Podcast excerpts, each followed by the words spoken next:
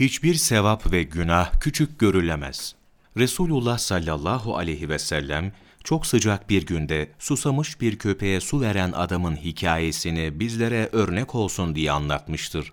Bu hikayeye göre çok sıcak bir günde bir adam yolda rastladığı bir su kuyusuna indi ve kuyunun suyundan içerek susuzluğunu giderdi.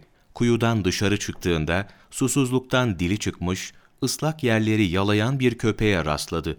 Bunun üzerine adam tekrar kuyuya indi, ayakkabısının birine su doldurarak yukarıya çıktı ve o suyu köpeğe içirdi.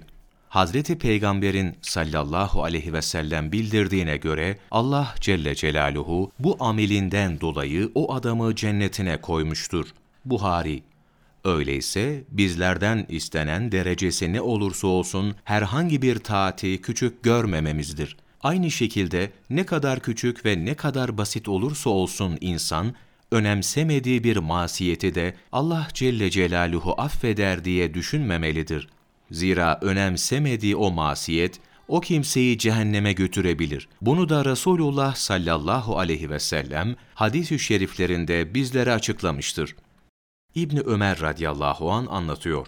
Resulullah sallallahu aleyhi ve sellem buyurdular ki, bir kadın eve hapsettiği bir kedi yüzünden cehenneme gitti. Kediyi hapsederek yiyecek vermemiş, yeryüzünde bulunan haşerattan da yemesine izin vermemişti. Buhari Yani kadın, kediye zulmetmesinden dolayı cehenneme gitmiştir. Allah Celle Celaluhu'nun kullarından hiç kimseyi dünyadaki mevkisinden dolayı veya dış görünüşünden ötürü hakir görmeyiniz. Çünkü Allah Celle Celaluhu o kimsede birçok sırlar gizlemiş olabilir. Bizler bunu bilemeyiz. Belki de o kimsenin Allah katındaki derecesi yüksektir veya duası kabul olunan bir kimsedir de bizim için yaptığı duayı Allah Celle Celaluhu kabul eder.